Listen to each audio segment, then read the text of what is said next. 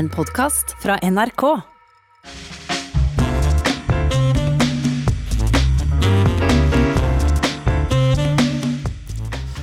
Det har alltid stått en egen aura rundt eh, Stortingets eh, presselosje. Eh, I 100 år nå har journalistene med eget adgangskort til nasjonalforsamlinga vært en gjeng med et nokså robust sjølbilde. Og nå har dette spesielle lauget fått sin egen historie, ført i pennen av et mangeårig presselosjemedlem. Bergens Tidende-journalist Terje Valestrand, velkommen. Takk skal du ha. Et av kapitlene i boka di har fått tittelen 'Fyll og påfyll. Det er tydelig at det har vært begge deler i Stortingets presselosje? Jeg skjønte det var det kapitlet du la merke til, ja. Jo da, det er korrekt. Eh, ja, det har jo med tittelen å gjøre. Du kan ikke vente annet når du lager sånne titler. Men der det er, det er absolutt dekning for det. Og det var kan du si, særlig 70-tallet, da. Litt på 60-tallet, men særlig på 70-tallet. På 80-tallet var helt slutt. Men eh, det var uh, veldig mye Man for å si det sånn, man lot seg bestikke, man lot seg beskrive, be, forsyne både mat og drikke. Uh, noe betalte Presselosjen som organisasjon, men veldig mange steder ble man invitert ut og sa ja. Og spiste og drakk. Ja. Sigbjørn Olsen, velkommen til deg også. Takk skal du ha. Du er mangeårig stortingsrepresentant og finansminister, og var 27 år da du første gang eh, ble innvalgt på Stortinget i 1977. Hvordan var ditt møte med stortingsjournalistene i presselosjen? Nei, altså det var eh, de, de, hadde jo et rykte som på mange, mange, måter hadde gått før i seg. Nå, eh, nå møtte jo en del som vararepresentant i eh, perioden 73 til 77. Og så, jeg hadde jo blitt litt kjent med en del av dem, men det var, det var folk som, som det sto respekt av i forhold til det yrket de utøvde. Men det var, eh, det var, en litt bråket gjeng. Det Broket, rettere sagt, gjeng. Eh, eh, ja, det var litt bråk innimellom òg, men broket var det i hvert fall. Men en, en, jeg kom veldig godt overens med de folka i alle de åra jeg var i storting og regjering, så jeg har mye pent å si om presselosjen. Ja, Du snakker om ryktet til journalistene, men eh, eh, er det ikke din eh, samfylking Alf Prøysen som skriver om ryktet som brunstekt flesk? Jo, det var han handelsbetjenten det som hadde Hårdalskjæreste i Ringsaker og helgekjæreste på Hamar. var det sånn med presselosens folk også?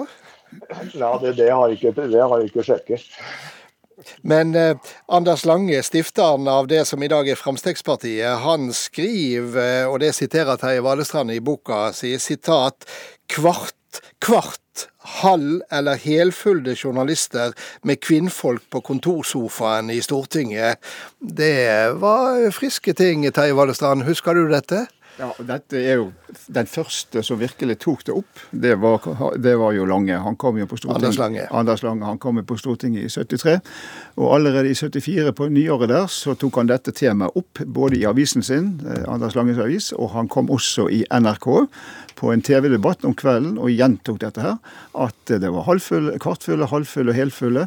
Og de, eh, de kom med kvinnfolk, for det var sofa på rommet. De hadde ingenting i Stortinget å gjøre. Eh, og han brukte jo også sterke, og han mente jo at det var NRK som hadde skapt Finn Gustavsen. F.eks. SF-lederen den gangen. Det var et produkt av, I dag så er det jo mange som mener at Carl I. Hagen var et produkt av NRK, men den gangen var det Finn Gustavsen. Eh, og det som skjedde etterpå, det var at presselosjen da behandlet denne veldige kritikken på flere møter. Hadde alvorlige møter, hva skulle vi gjøre? Og skrev et svar. Men konklusjonen ble at eh, det var rett og slett ikke det var, det var ikke innhold i det han skrev. Det var omtrent som en viss president i USA for tiden. Altså utspill, Utspillene hans var så groteske at man valgte å tie det i hjel. Hvordan var det Sigbjørn Johnsen, med hopehavet mellom journalister og politikere når du kom inn? Var det nærere enn det er i dag? Var det mer felles eh, selskapelighet, ja vennskap?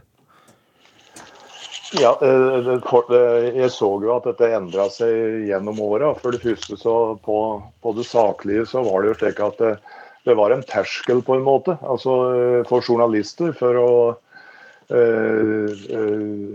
det, det, var nesten ikke Du måtte over en liten terskel altså i, i, det som dreide seg om intervjuer, sitater og slike ting. Men vi omgikk jo journalister på en normal måte. og vi hadde jo mye samkvem i restauranten. Eh, det kom journalister og banka på døra og, og lurte på dem. Men det var et tillitsforhold som, eh, som kom. Og, og, for min egen del så opplevde jeg jo at uh, dette tillitsforholdet det varte ved. Jeg opplevde nok i min andre periode som finansminister journalister som hadde båndopptakeren under papira uten å si fra om det. Men i det store og det hele så var det et tillitsforhold.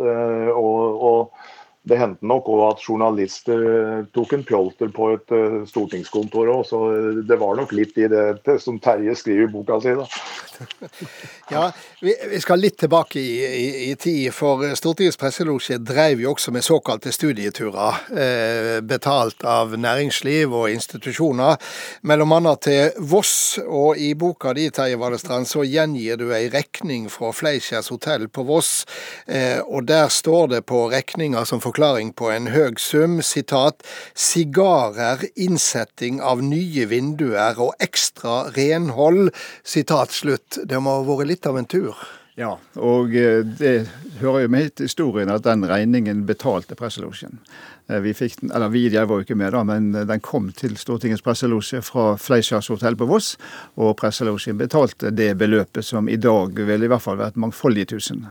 Så eh, sånn ble det. Men det skal også sies at denne tradisjonen jeg vet ikke om du kommer inn på det, men det tok brått slutt da vi fikk et nytt regime i presselosjen.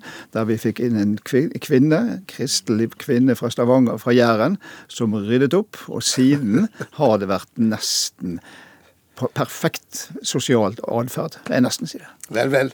Eh, nå er ikke historien om Stortingets presselosje bare fortelling om fyll og moro, og vi skal selvsagt også ta for oss eh, de andre og mer seriøse sidene.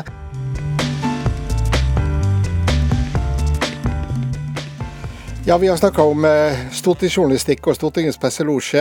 Det er jo også ei mediehistorie der media gikk fra å være nokså makt- og partilojale til å bli mer uavhengige.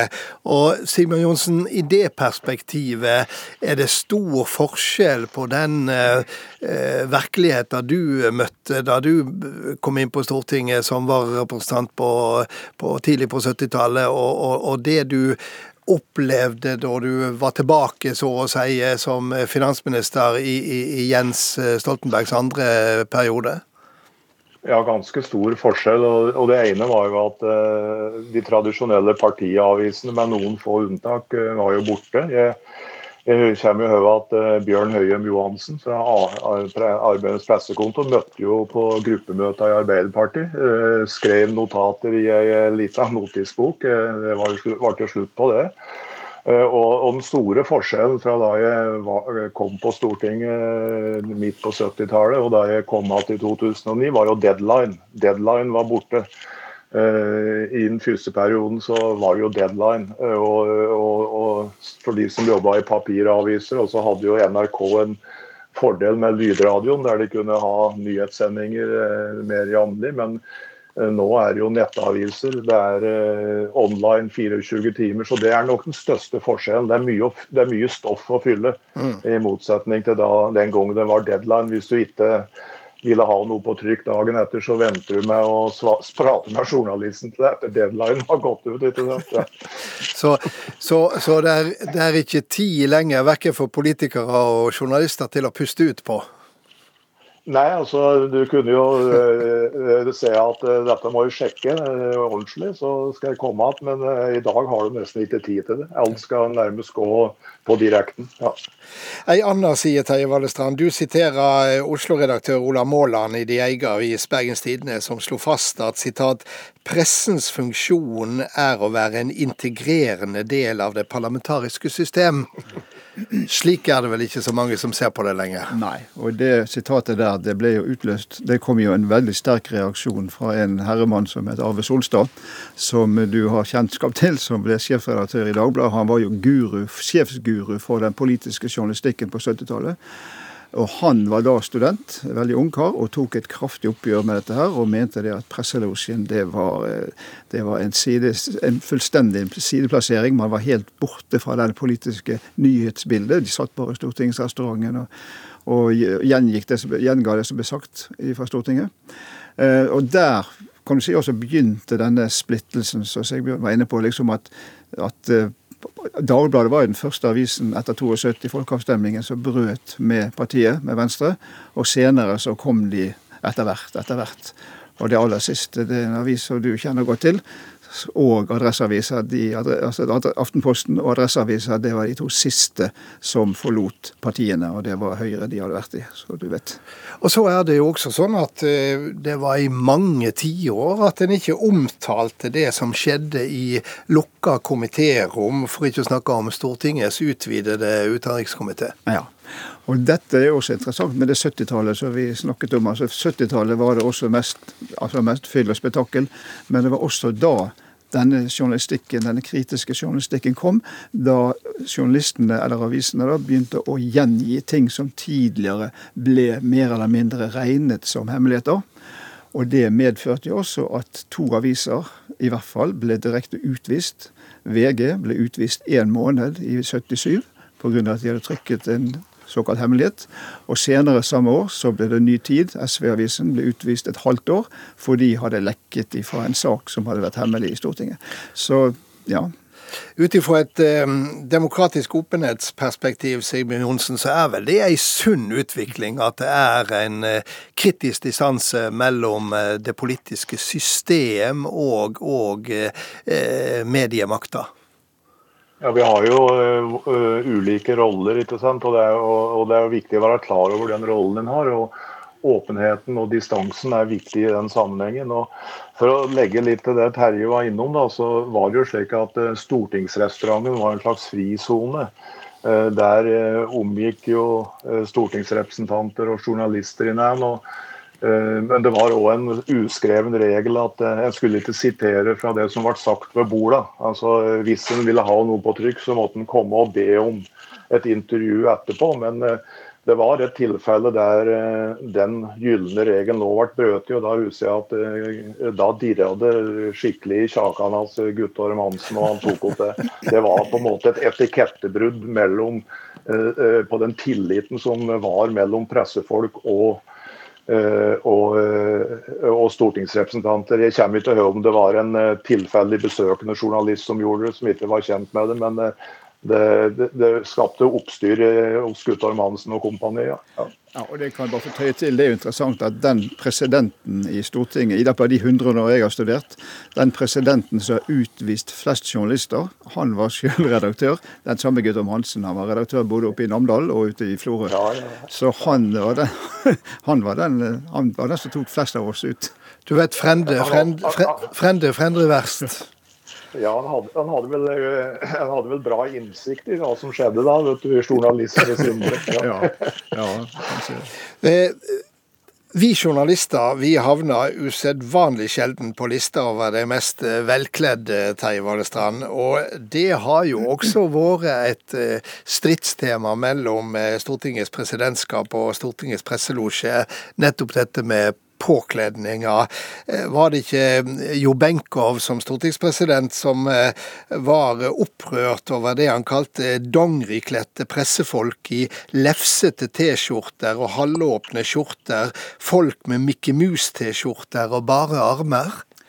Ja, det er helt korrekt. Og det, ble, det var Benkovs, en av Benkows kampsaker. Det var å få ryddet opp i klesdrakten vår. Greide han det? Eh, eh, nei, det greide han ikke. Men det han gjorde, er at han fjernet både stoler og bord som hadde vært i det som vi kjenner som vandrehallen, der vi alltid vi ser på TV, der alle politikerne kommer ut. Vandrehallen heter eller heter det fortsatt. Og der var det veldig mange lave bord og lave stoler, og der lå eh, spesielt et par av de du omtaler der. Og dette fikk jo Benkow slutt på ved at han fjernet både bord og stol. Så det var, ble i hvert fall slutt på at det lå journalister og slang der med beina på eh, bordet og irriterte presidenten. Tusen takk for praten, Terje Vallestrand, og til deg, Sigbjørn Johnsen. Og så runder jeg av med min faste kommentar. Her er denne ukas Stang inn, stang ut. Det er alvor nå.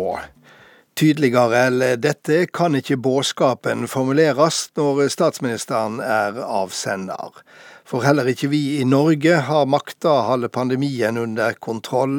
Det skumle viruset spreier seg igjen nokså fritt, og igjen er det frykt for at helsevesenet ikke greier å håndtere det som ligger føre oss. Vi ser det i andre europeiske land, nå er det oss det gjelder. Skal vi tru helsestyresmaktene, og det er det all grunn til, er vi nær den samme situasjonen som da Norge stengte ned 12. mars. Og så er vi kanskje ikke det likevel. For den eh, disiplinerende frykta er der ikke på samme vis. Kanskje heller ikke viljen til den store dugnaden, og vi ser ikke lenger de mange hverdagsheltene i eh, de knapt synlige yrka som held samfunnshjula i gang, og som vi applauderte for en del måneder siden. Vi er mer lei, og vi er mer slitne. Derfor er det ei enorm oppgave å motivere et helt samfunn til å skjønne at det må et nytt krafttak til. Det er ingen gitt å vite hvordan vi vil se på dette uvirkelige pandemiåret 2020 når det en gang er historie. Men det vi veit er at håndteringa her og nå vil være avgjørende for hvor hardt pandemien rammer oss, både som enkeltmenneske og som nasjon. Det er igjen tid for å åpne øynene for den enorme innsatsen helsepersonell over hele landet gjør. De må jo være utrolig slitne etter måneder med ofte sammenhengende hardt arbeid. Det er tid for å være oppmerksom på lærere sin situasjon, der de ofte står i en utrygg førstelinje og det er tid eh, for at serviceyrka igjen kommer til heider og verdighet eh, i vår egen måte å tenke på. Og så er det viktig å se unge som får livet sitt satt på vent i ei livsfase da slikt oppleves som ei katastrofe. For ikke å snakke om de mange som igjen blir isolert fra sine kjære, eller fra et dagligliv som gir glimt av kontakt inn i einsemda. Ja, det er tunge tak som blir kravd av så mange. Vi kan svare på utfordringene med å gjøre vår del av den dugnaden. Men vi kan også gjøre vårt til å se mennesker rundt oss også om vi ikke møter dem fysisk. God helg.